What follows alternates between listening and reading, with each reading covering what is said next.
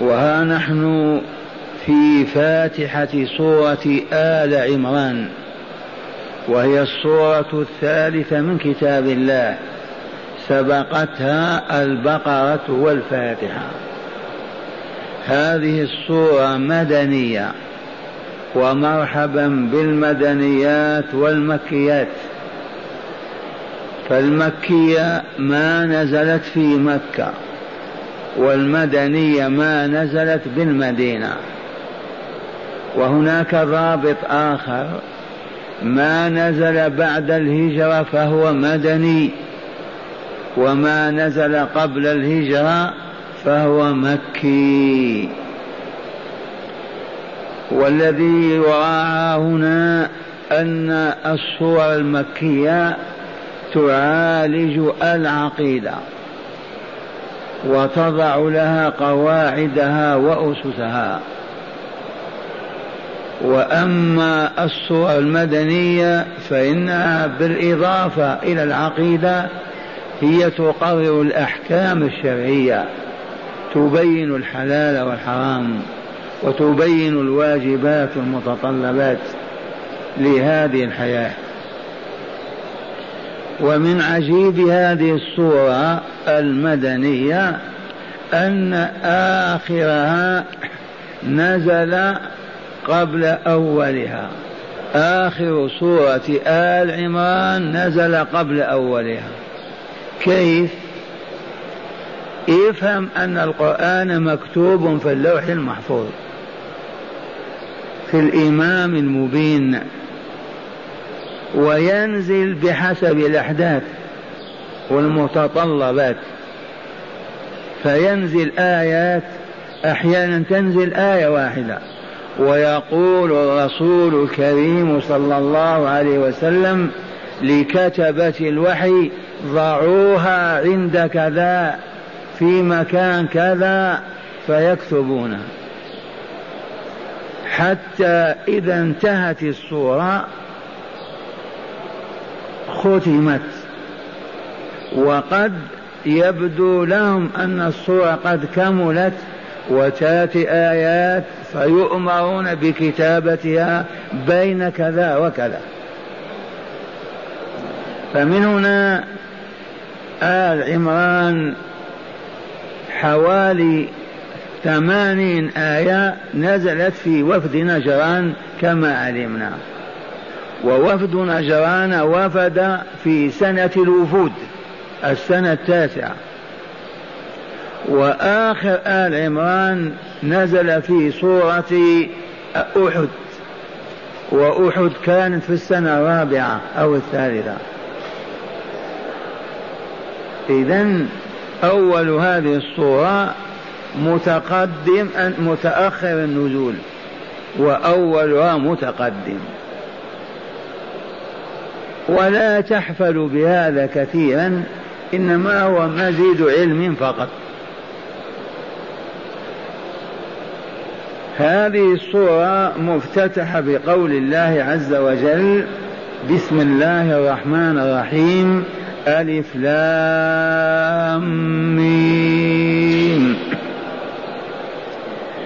ماذا عرفنا عن فواتح الصور؟ ماذا علمنا عن فواتح الصور؟ الجواب علمنا أن هذا من المتشابه. فيفوض أمر فهمه إلى الله. فقل الله أعلم بمراده به.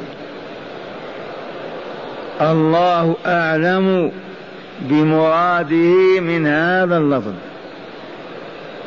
وستأتي الآية التي انتهينا إليها في الدرس الماضي وهي أن القرآن الكريم منه المحكم ومنه المتشابه.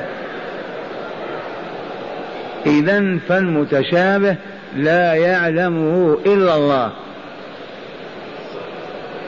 والراسخون في العلم يقولون آمنا به كل من عند ربنا.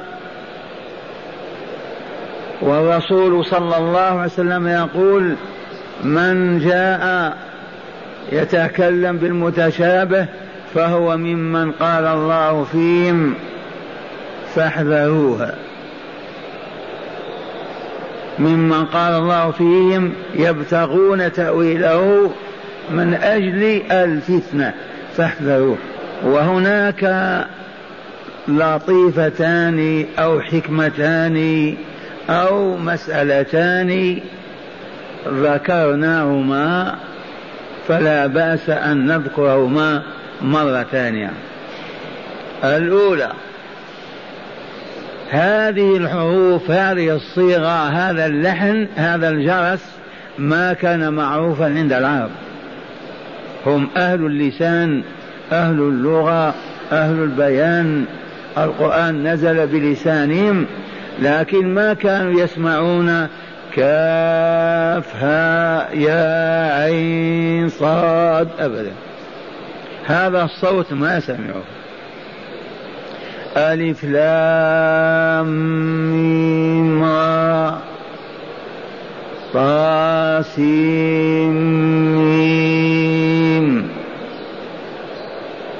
إذا لما كانوا معرضين عن سماع القرآن وكانوا يسدون آذانهم حتى لا يسمعوا.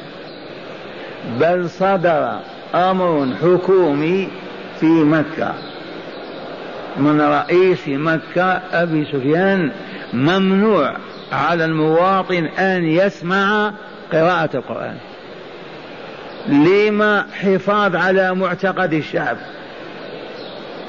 حفاظ على وحدته. هذه الدعوة تريد أن تزلزله وتزعزعه. إذا ممنوع سماع القرآن. وإذا قدر لك وقرأ من قرأ رسول الله أو فلان اصرخ بأعلى صوتك حتى لا يتسرب صوته إلى من يستمع. ولنقرأ لهذا ما جاء في سورة حاميم. فصلت وقال الذين كفروا لا تسمعوا لهذا القرآن والغوا فيه لعلكم تغلبون.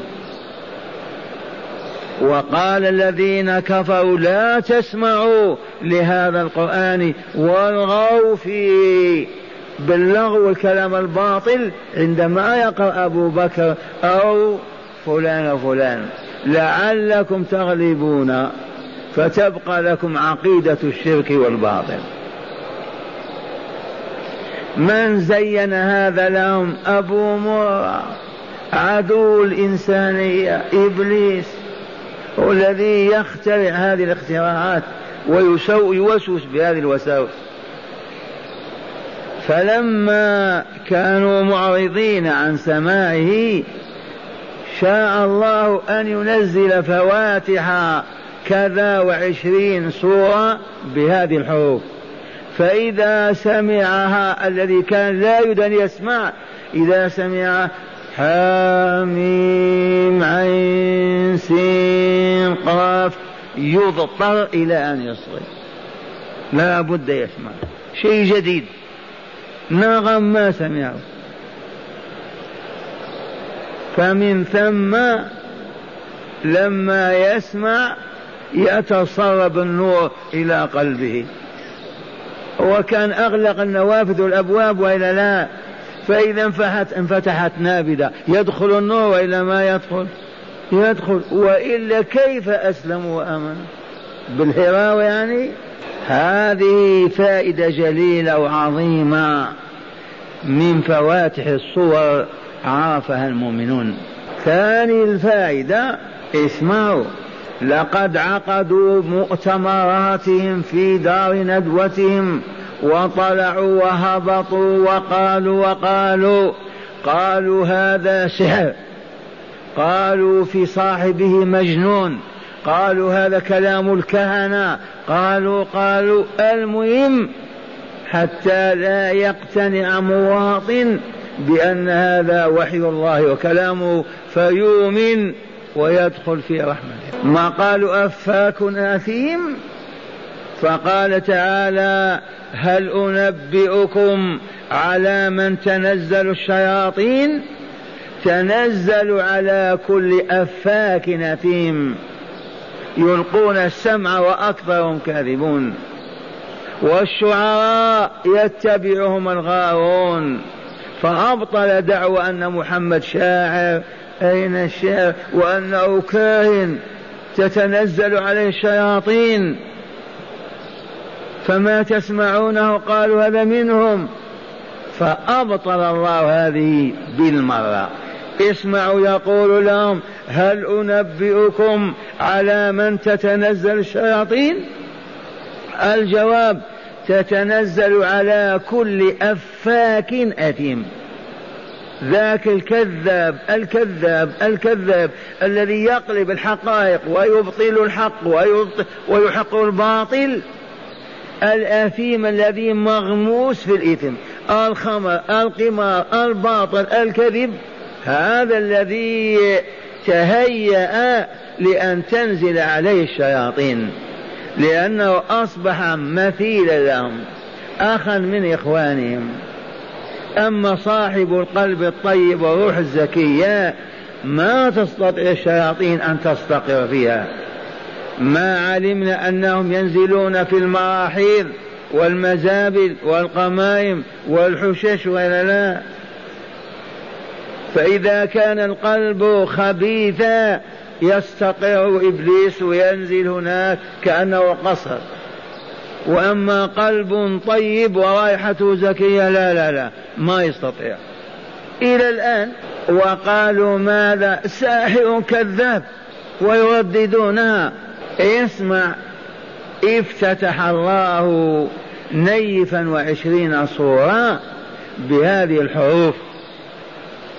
كأنما يقول لهم إن هذا القرآن المعجز الذي تحداكم منزله على الإتيان بمثله بعشر صور بصورة واحدة فحزنتم وبكيتم وما استطعتم.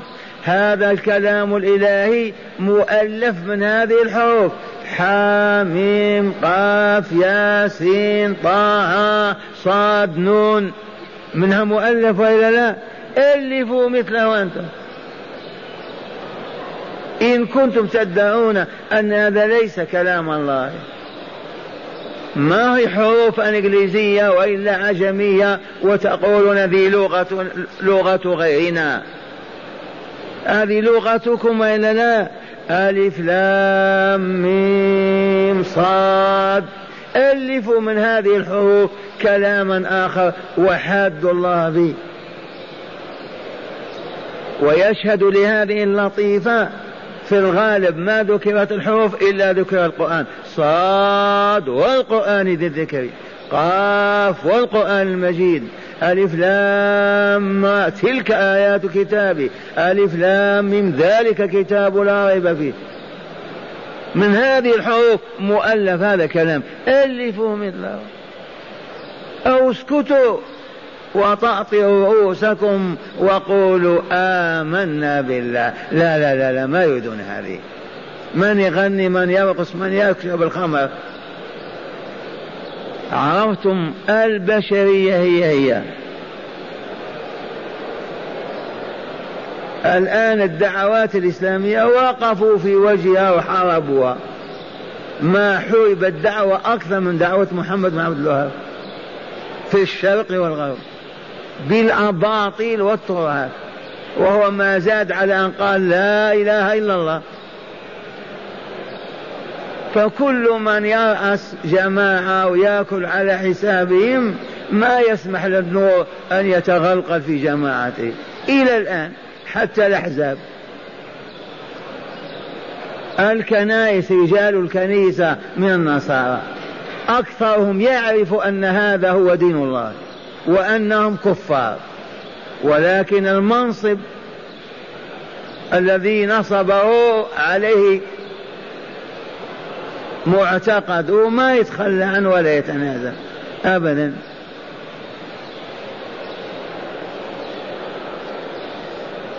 ألف لام ميم. الله لا إله إلا هو الحي القيوم. الله مبتدأ. أخبر عنه. لا إله إلا هو. الله هذا الاسم العلم على ذات الرب تبارك وتعالى. هذا الاسم اسم الله. إذا ذكر الله عرفت ذات الله التي أوجدت كل موجود ودبرت كل أمر في السماء والأرض منذ أن أوجد الله الكائنات. الله الذي خلقك في رحم أمك. ما تدري؟ الله الذي جاءك بالشمس لتكتسب الحرارة والدفء منها.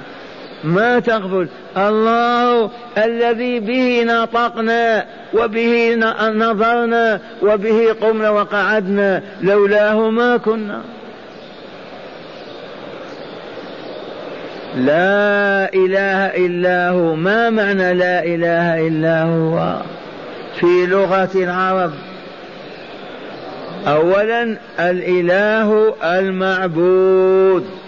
كل ما عبد يطلق عليه اسم إله في لسان العرب سواء كانت حجاز لغة أو تميمية.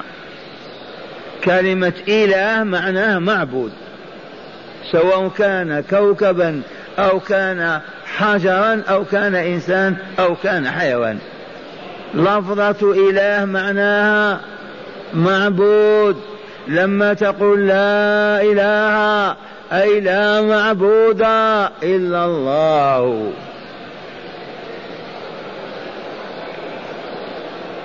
أين جاء ذكر إله بمعنى معبود في لسان العرب من القرآن الكريم؟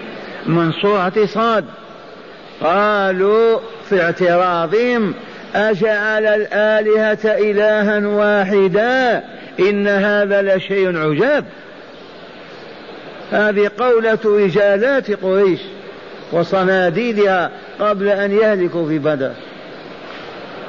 أجعل الآلهة إلها واحدا إن هذا لشيء عجاب. وانطلق الملأ منهم امشوا واصبروا على آلهتكم إن هذا لشيء يراد. أي والله عجب. دفاع قوي وحماس. على ما يدافعون على الباطل. ألفوه عاشوا عليه رضعوا من ثدي أمه. إذا ما يستطيعون يتخلون أبدا. هذا العجب وإلا لا؟ إيه نعم. أجعل الآلهة إلها واحدا. كلها صبغها بصبغة واحدة جعل إله واحد. مع أنه كل شيء في إله يعبد. عند العرب. فهنا أسمع الله وفد نجران الصليب النصراني أسمعهم. الله لا إله إلا هو. لا عيسى ولا مريم ولا روح القدس ولا ولا واحد. هذه زلزلت أقدامهم. إذ جاءوا يجادلون رسول الله ويحاورونه ويريدون أن يقنعوا أن عيسى إله مع الله. تعرفون هذا الوفد؟ كانوا ستين فارسا.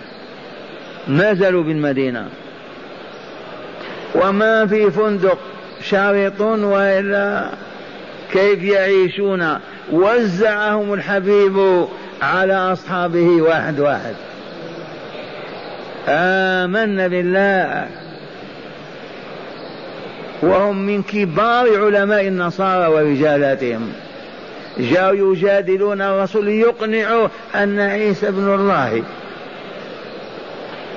من أعظم الخرافات أن يكون مخلوق. خلق في بطن امرأة اسمها مريم ويصبح هو الله أو ابن الله. هذا المعتقد انتهى وإلا لا. الآن يتغنون ويبذلون المليارات في سبيل نشر هذا الباطل. كيف يعقل أن يكون مخلوق أمه مريم؟ وخرج من بطنها ومات أو يموت وكان عدما ويصبح الله هو ويلفقون لهم الأقانيم ثلاثة. من؟ روح القدس الأب والابن وروح القدس. ويسمعون ويقبلون. لأنهم مسحورون بالمادة. اذا الله لا إله إلا هو الحي الحياة الأبدية الأزلية. كان ولم يكن شيء. والله العظيم.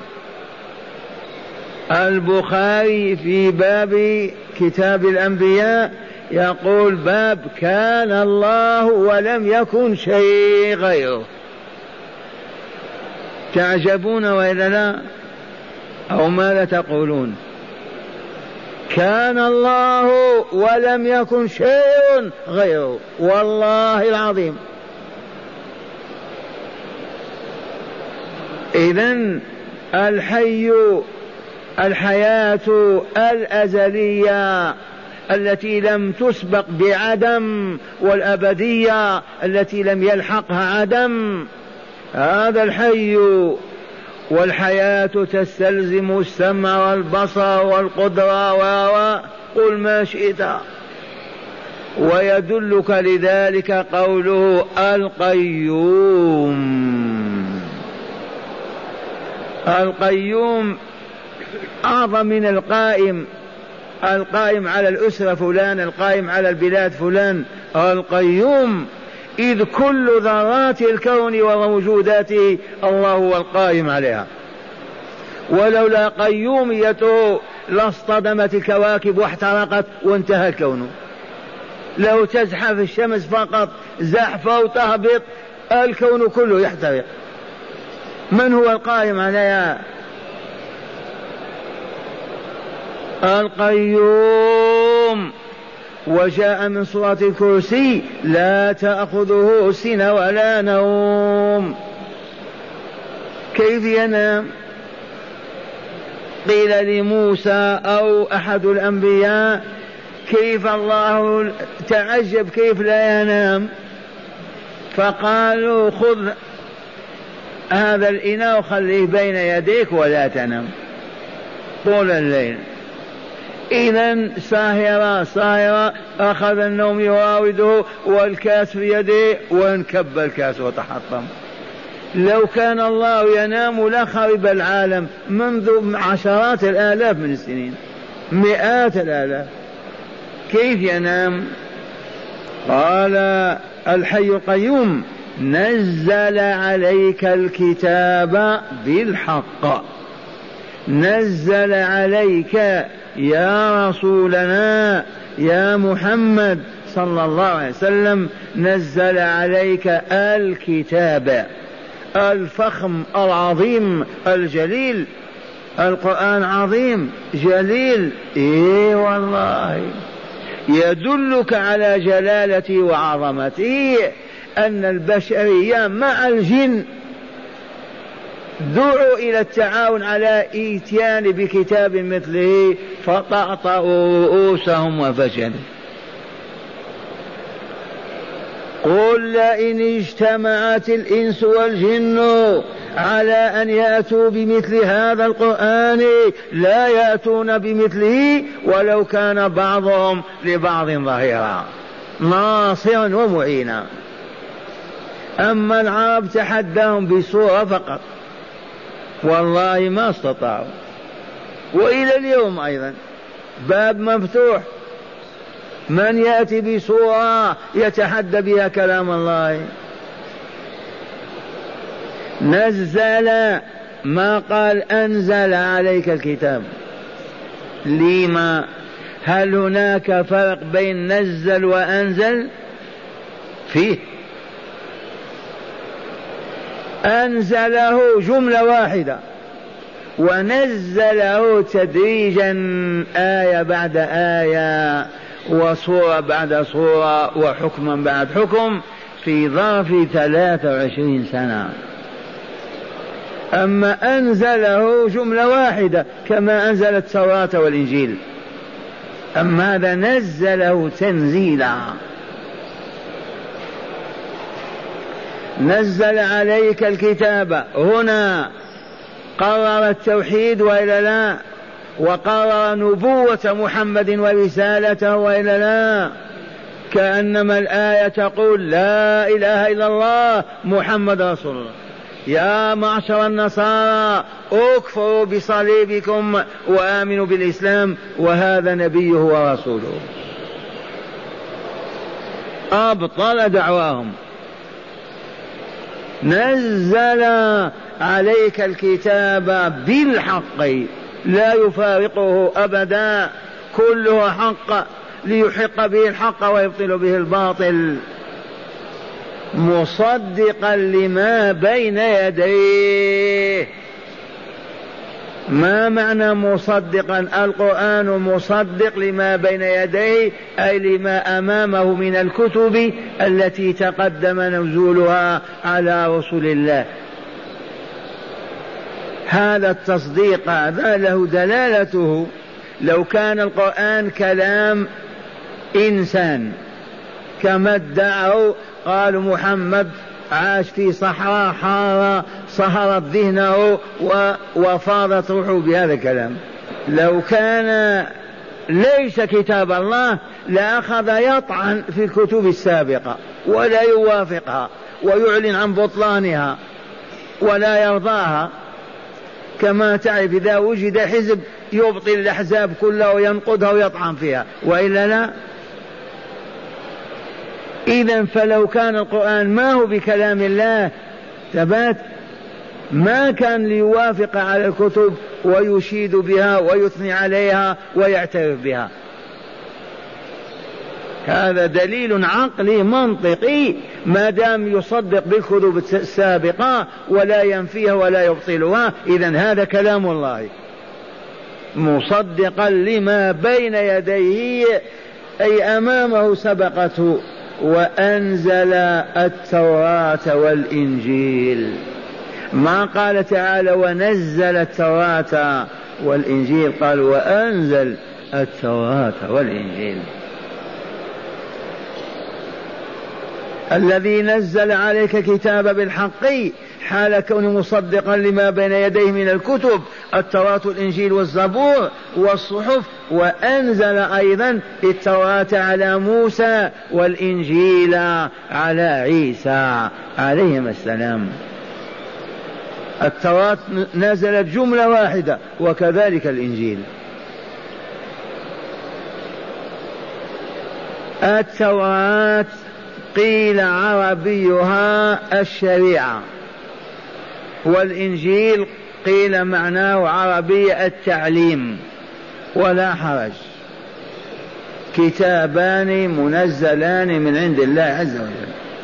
إلا أن اليهود كالنصارى أفسدوا كتاب الله بما أضافوا إليه من حواشي وتفسيرات وتأويلات كما شاءوا. الأصل موجود وغطوه. ويفسرون كلام الله بحسب أهوائهم وشهواتهم ومصالحهم. والله لا يؤولون كلام الله الصحيح وخاصة في صفات محمد ونعوته حتى ما يؤمنوا به. اسمع عيسى مع بني إسرائيل. لقد كفر الذين قالوا إن الله هو المسيح ابن مريم. وقال المسيح يا بني إسرائيل اعبدوا الله ربي وربكم.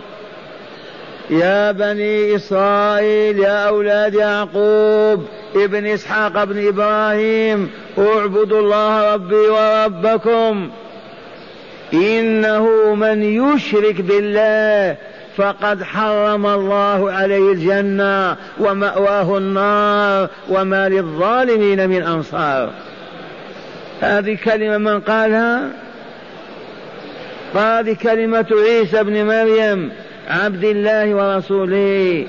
قال في ملأ من بني إسرائيل وهو يدعوهم إلى الله.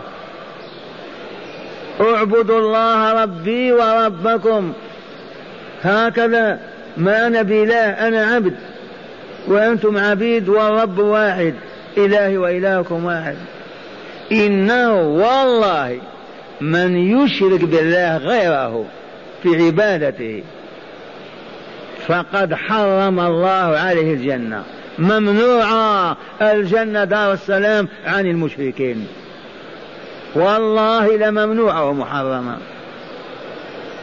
لماذا فسروا لنا الذي يشرك بالله محرم عليه الجنة لأنه بخس حق الله. اغتصب حق الرب وأعطاه لمن لا يستحقه متحديا ربه معرضا عنه يلعب بشرائعه وأحكامه. لأن الحياة كلها علة علتها وسر وجودها هي أن يعبد الله. أراد الله أن يعبد فأوجد هذا الكون وهذه المخلوقات.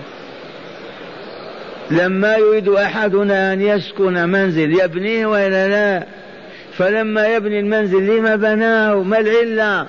ليتغوط فيه؟ ليسكن فيه. فالله عز وجل خلق الجنة وخلق النار عالمان وراء هذا الكون وخلق هذه الأكوان وخلق الإنس والجن لشيء واحد ألا وهو أن يذكر ويشكر. والعبادة كلها ذكر وشكر. ما خرجت عنهما. فمن تلك العبادة التي خلقه الله من أجله وخلق الحياة كلها يعطيها الفلان وفلان وفلان. هذا مسخ وإلا لا؟ ماذا ترون في تعذيب هذا المخلوق؟ فلهذا المتأمل المتفكر يعرف أن الشرك من أعظم الذنوب. وهذا لقمان الحكيم من بلاد النوبة أسود أوتي الحكمة. وضع بين يديه طفله الصغير يربيه يؤدبه يعلمه. فقال يا بني أقم الصلاة وأمر بالمعروف وانهى عن المنكر واصبر على ما أصابك إن ذلك من عزم الأمور. ولا تصعر خدك للناس. ولا تمشي في الأرض مرحا إن الله لا يحب كل مختال فخور. يا بني لا تشرك بالله. يا بني لا تشرك بالله. إن الشرك لظلم عظيم. لا يقادر قدره أبدا. كيف يخلقك الجبار ويرزقك ويهبك بصرك وسمعك وعقلك ويوجد التراب حولك وكل الفواكه والخضر ثم تقف أمام حجر؟ كيف هذا يعني؟ مررت مرة بالهند برجل متحضر كأنه بريطاني. الكرافات في عنقه وهو ماثل أمام قرد ميت أمام قرد قلت يا ليت نحن نقف أمام الله هكذا في هذا الخشوع والخضوع. هذا إنسان هذا. وتمر بالمغازات ودور السلع فتجد الإحليل وخصيتين من نحاس وإلا يشتريهما الرجل العاقل ويعبد هذا الفرج في بيته.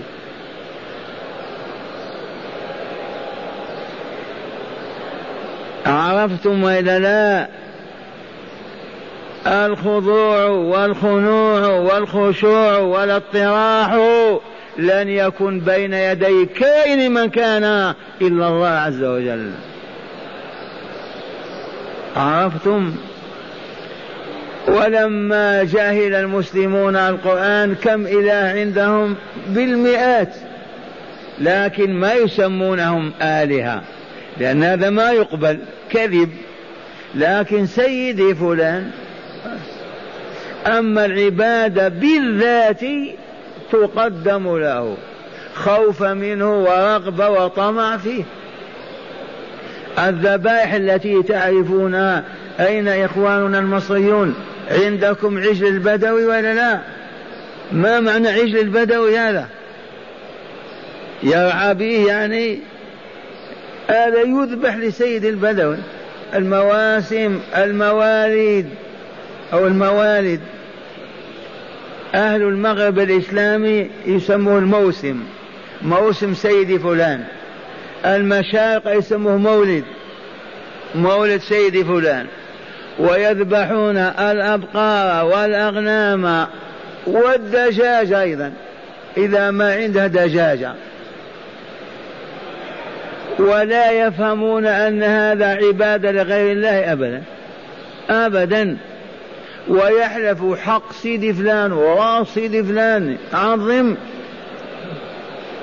ولا يفهم أنه عظم غير الله وعبد غير الله. هل تدرون أن رسولنا صلى الله عليه وسلم قال من حلف بغير الله فقد أشرك والحديث صحيح في سنن الترمذي وجامعه ونحن لو حللنا هذا ولو ما صح الحديث عرفنا هذا. الحلف بالشيء تعظيم له والا لا. أسألكم بالله. أنت تحلف ببقره تحلف بامرأة؟ تحلف بشيء تعظمه والا لا. اذا من هو الأكبر؟ الله أكبر. كذا ولا لا؟ فإذا حلفت بكائن عظمته وجعلته مثل الله. أشركت هذا الإنسان في عظمة الله حيث عظمت هذا المخلوق وحلفت به. وهو أمر واضح كالشمس. لولا أن الرسول نهانا وحرم علينا وقال على المنبر ألا من كان حالفا فليحلف بالله أو ليصمت؟ قد نرتاب أو نشك. على المنبر ألا إن الله ينهاكم أن تحلفوا بآبائكم؟ ومن كان حالفا فليحلف بالله أو ليسكت. ومن باب التذكير لما هبطت الأمة إلى هذا الحضيض بعدما كانت في علياء السماء المحكمة سيادة القاضي إذا اشتكى إليه اثنان يقول حلفه بالله قل لا لا هو يحلف بالله خمسين مرة. حلفوا بسيد فلان ما يحلف. فأصبح القاضي إذا حلف اثنين في خصومة يحلف بسيدي عبد القادر أو سيدي موسى أو سيدي عبد الرحمن أو مولاي إدريس أو سيدي البدوي. لما بدأت دعوة الإصلاح تنتشر قالوا لما هذا؟ قال هذه حقوق الناس أموال الناس. إذا قلنا احلف بالله يحلف سبعين مرة ويأخذ بقرة الإنسان. لكن إذا قلنا احلف بسيد فلان آه يخاف يعترف بالبقرة ووقعت حادثة عندنا. لا بأس أن أرفع عليكم ولا لا. النبي كان صلى الله عليه وسلم أحيانا يرفع على أصحابه. وهي حكمة. تحاكم اثنان في المحكمة. فصدر الحكم بأن يحلفه بسيد فلان. ويعطيه شاته إلى دراهم. أحدهما عفريت من بني آدم. جعل هراوة تحت برنوسه أو جناحه وقال امشي تحلف الضريح مغلق لكن النافي إذا دخل راسه ويحلف القبر في قبة. هو أدخل رأسه ويحلف ولكن هل عليه بالهرارة فتركه يتشحط في دمه. وهرب. جاء الناس ما هذا؟ قال سيدي فلان هو الذي ضربه. لأنه حلف به بالكذب. سبحان الله نعم هذا الشيء الذي يحلف بالباطل. إيه قولوا الحمد لله. الحمد لله. عدنا إلى معرفة لا إله إلا الله. فلا نركع ولا نسجد ولا ننحني ولا نخضع ولا نذل إلا لله عز وجل. فكيف أحلف باسم إنسان وأعظمه؟ الله أكبر لا أكبر منه أبدا. إذا وأنزل التوراة والإنجيل من قبل أي من قبل القرآن الذي نزل عليك يا رسولنا. هدى للناس. أنزل القرآن وأن وأنزل التوراة والإنجيل من قبل هدى للناس ما معنى هدى للناس لهداية الإنس الناس بنو آدم بنو إسرائيل اليونان ال آل تلك الأمم لولا أن الله أنزل كتابه كيف تهتدي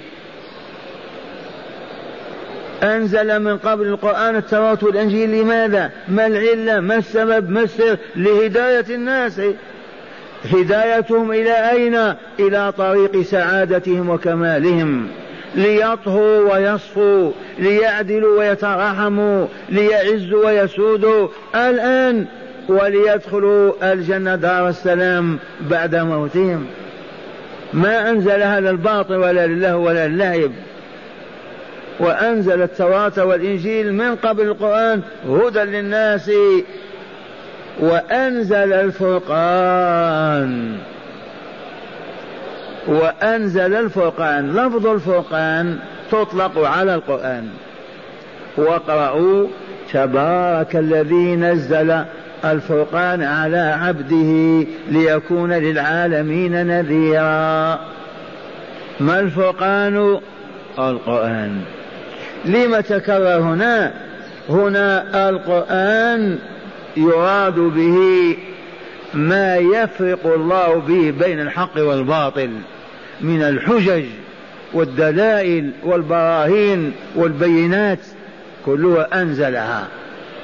ورسول الله صلى الله عليه وسلم يقوم ببيانها وإظهارها للناس ليهتدوا بذلك إلى ربهم فيعبدوه ويسلموا من عذابه وشقائه.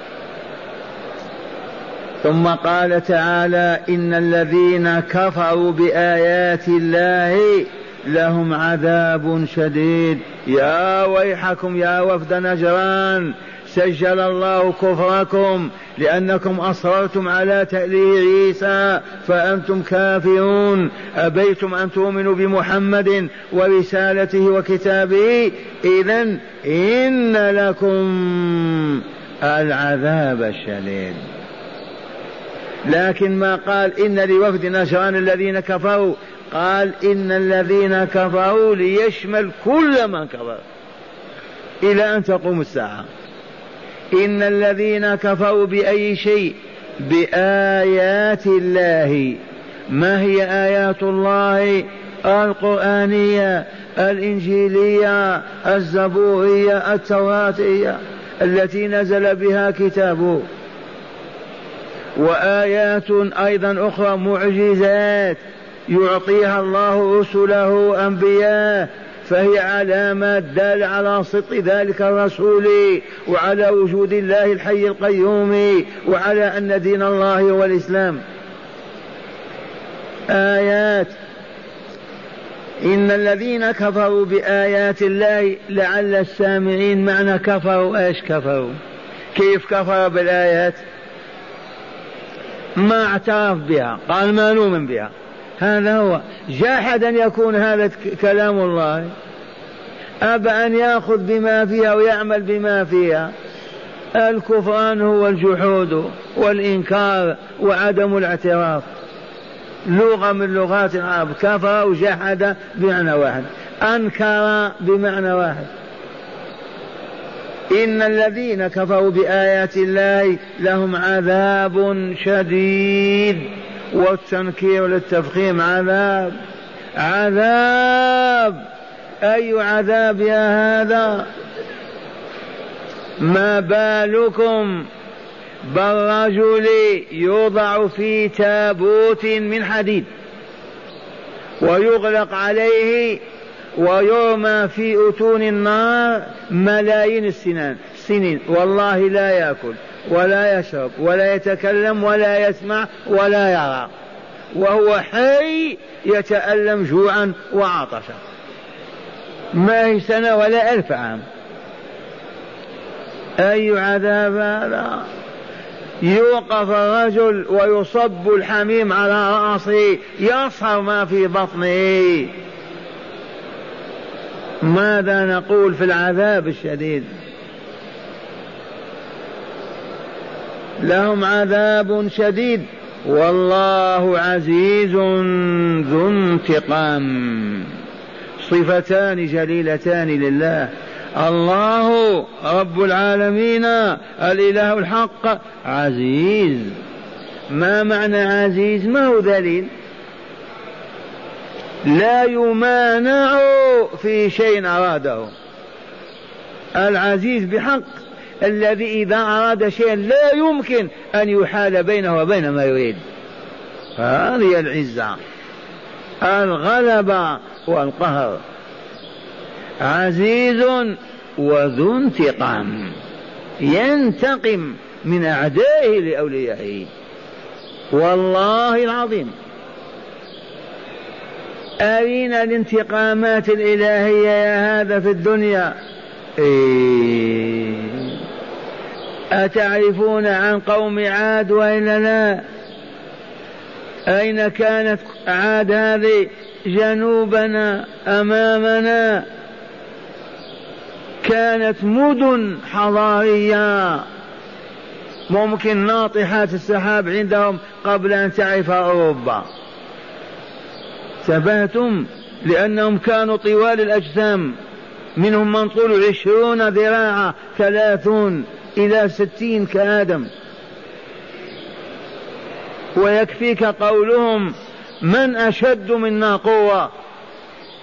فرد الله عليهم بقوله والله أشد منهم قوة. تحدى القوة بالقوة. ألم ترى كيف يا رسولنا؟ كيف يا سامعي؟ فعل ربك بعاد إرم ذات العماد التي لم يخلق مثلها في البلاد. ما هي إلا جولة فقط سبع ليالي ثمان أيام عواصف عواصف عواصف لم ترى الدنيا نظيرها. سبع أيام. لا سبع ليالي وثمانية أيام. بدأت باليوم وانتهت بالليلة. سبع أيام وثلاث أيام وسبع ليالي ثمانية أيام وسبع ليالي. كيف تحولت إلى دمار كامل؟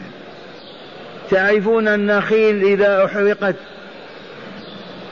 كالنخيل إذا حطمت وكسرت. واقرأوا لذلك وأما عاد فأهلكوا بريح صرصر عاتية سخرها عليهم سبع ليال وثمانية أيام حسوما فترى القوم فيها صرعى كأنهم أعجاز نخل خاوية فهل ترى لهم باقية؟ وين هي. وعند الفلاحين يعرفون هذه الأيام بالضبط. في آخر الشتاء عندهم قارة العجوز.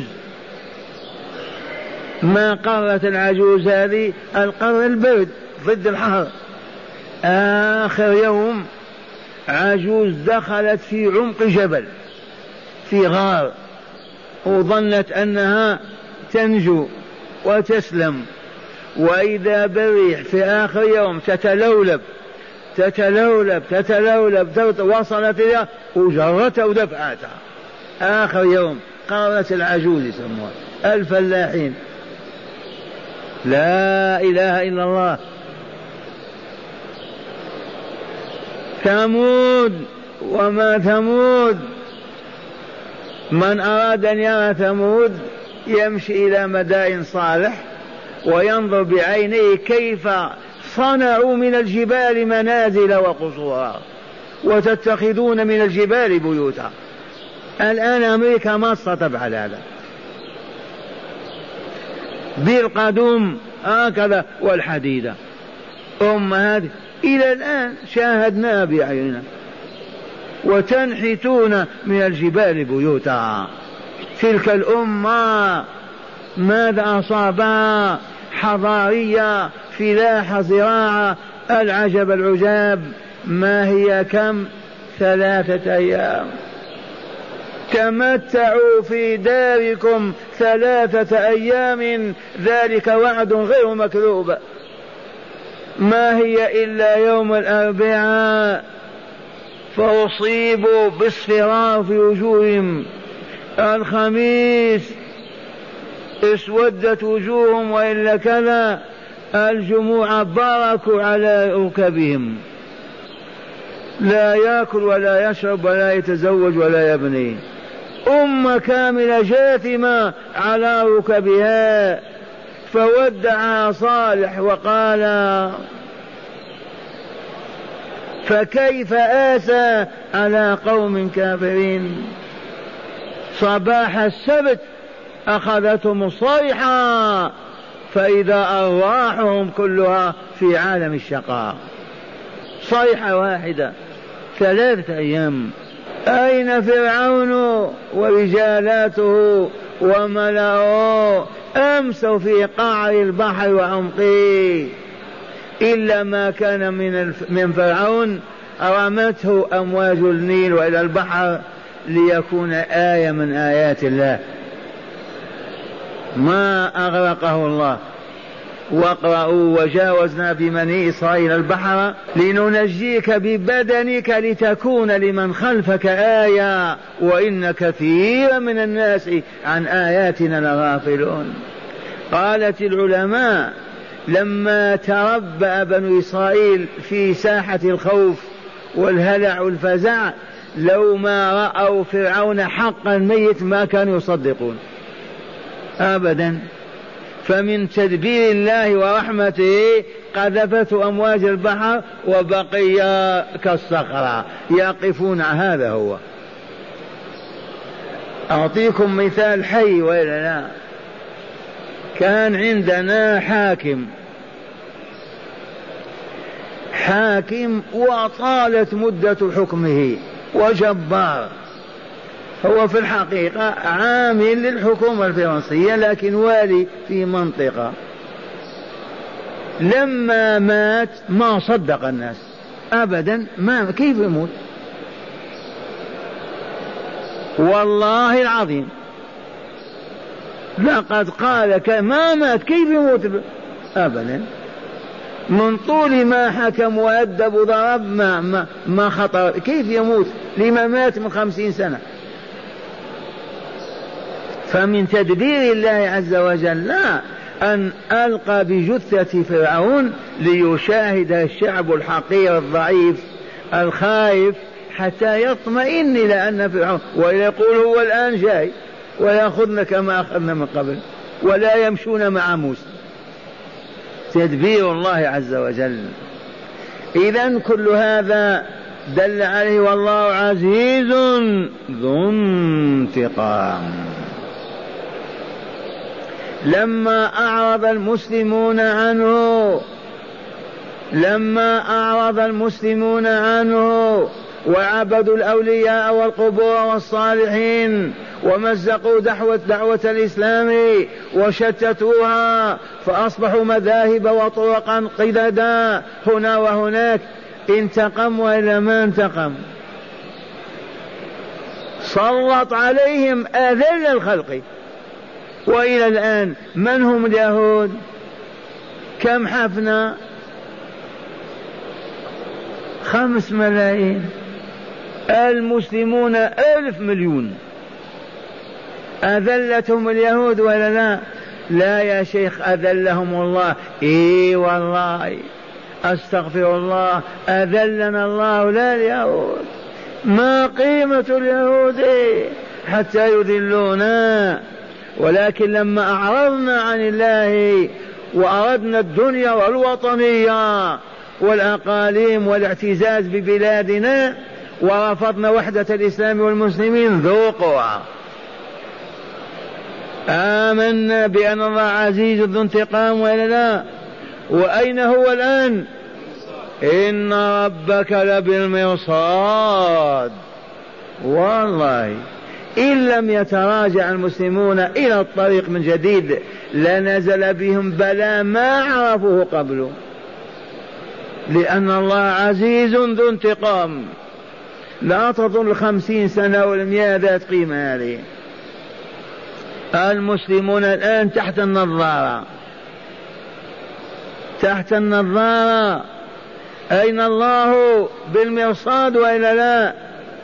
فيمهل يمهل يمهل. الآن يتوبون الآن يتراجعون. ظهرت دعوة الإصلاح فيهم كذا. أبوا يسلط عليهم ما يشاء. صدق الله العظيم. إن ربك أين هو؟ بالمرصاد. ما المرصاد؟ أنتم ما تعرفونه.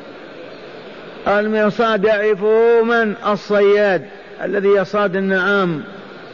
وبقاء الوحش والغزلان. ثبات ينزل في مكان معين ويراقب. الآن عندهم نظارات أيضا كبيرة واسعة. فالله عز وجل ينظر إلينا. اسمع والله على منبره. صلى الله عليه وسلم. واقف يخطب الناس. ويقول إن الله لا يملي للظالم. ما معنى يملي يزيد الليالي والأيام؟ لا يملي للظالم حتى إذا أخذه لم يفلته. وقرأ قول الله تعالى من سورة هود وكذلك أخذ ربك إذا أخذ القرى وهي ظالمة. إن أخذه أليم شديد. وقد رأينا وإن قلت كيف هذا اسمع إن الله لا يخفى عليه شيء في الأرض ولا في السماء. لا تقول ممكن ما هو مطلع علينا. نحن نفرفش ونغني وما يدري. إن الله لا يخفى عليه شيء في الأرض ولا في السماء. لو كان هناك إله مع الله لأبانه الله وكشف عنه النقاب وأعلنه للناس. فكيف يكون عيسى إلها مع الله؟ وسيأتي إعلان رباني شهد الله أنه لا إله إلا هو والملائكة وأولو العلم قائما بالقسط لا إله إلا هو العزيز الحكيم. عرفتم معنى إن الله لا يخفى عليه شيء وإلا لا؟ ممكن في سرداب تحت جبل تستطيع تختفي. لا يخفى على الله شيء مطلق شيء لا في الأرض ولا في السماء. كيف إذا توجدون آلهة معه وتقول هذا إله مع الله؟ الله ما يدري يعني ما عرفه إله. فأبطل النظرية الصليبية ومزقها. لو كان هناك إله ما أنتم تدلون الله عليه هو عرفه إذ هو خالق كل المخلوقات. كيف يخفى عليه أن أن يكون عيسى إله ولا يدري؟ إن الله لا يخفى عليه شيء في الأرض ولا في السماء. إليكم أدلة وبراهين على علمه وحكمته وقدرته. قال هو لا غيره. هو الذي يصوركم في الأرحام. الرحم ما هو ما الرحم مستودع الجنين ثم يصور الله الإنسان هذا أحمر وهذا أبيض هذا طويل وهذا قصير هذا جميل وهذا دميم هذا شقي وهذا سعيد. في الأرحام كيف يصورنا في الأرحام ما يعرف أن عيسى ما هو إله؟ الله الذي صوره في رحم مريم وإلا لا. كيف إذا يصور هو وما يدري أنه إله معه؟ والله لا خرافة عند النصارى العجب. يا ليتهم يحضرون عندنا. والله تمنيت طيلة ما كنت أتردد على أوروبا. عشرين سنة. أن يجادلني نصراني ما وجد. خرافات عمياء. كيف يولي هذا الباطل هذا؟ وهو أبيض الكرافات في عنقه والسجارة ومتمدين يصوركم في الأرحام كيف يشاء. في من يفرض على الله أن يكون ولده ككذا وكذا كما يريد. قولوا آمنا بالله. آمنا بالله. لا إله إلا الله. محمد رسول الله. لا إله إلا الله. محمد رسول الله. لا إله إلا الله. العزيز الحكيم.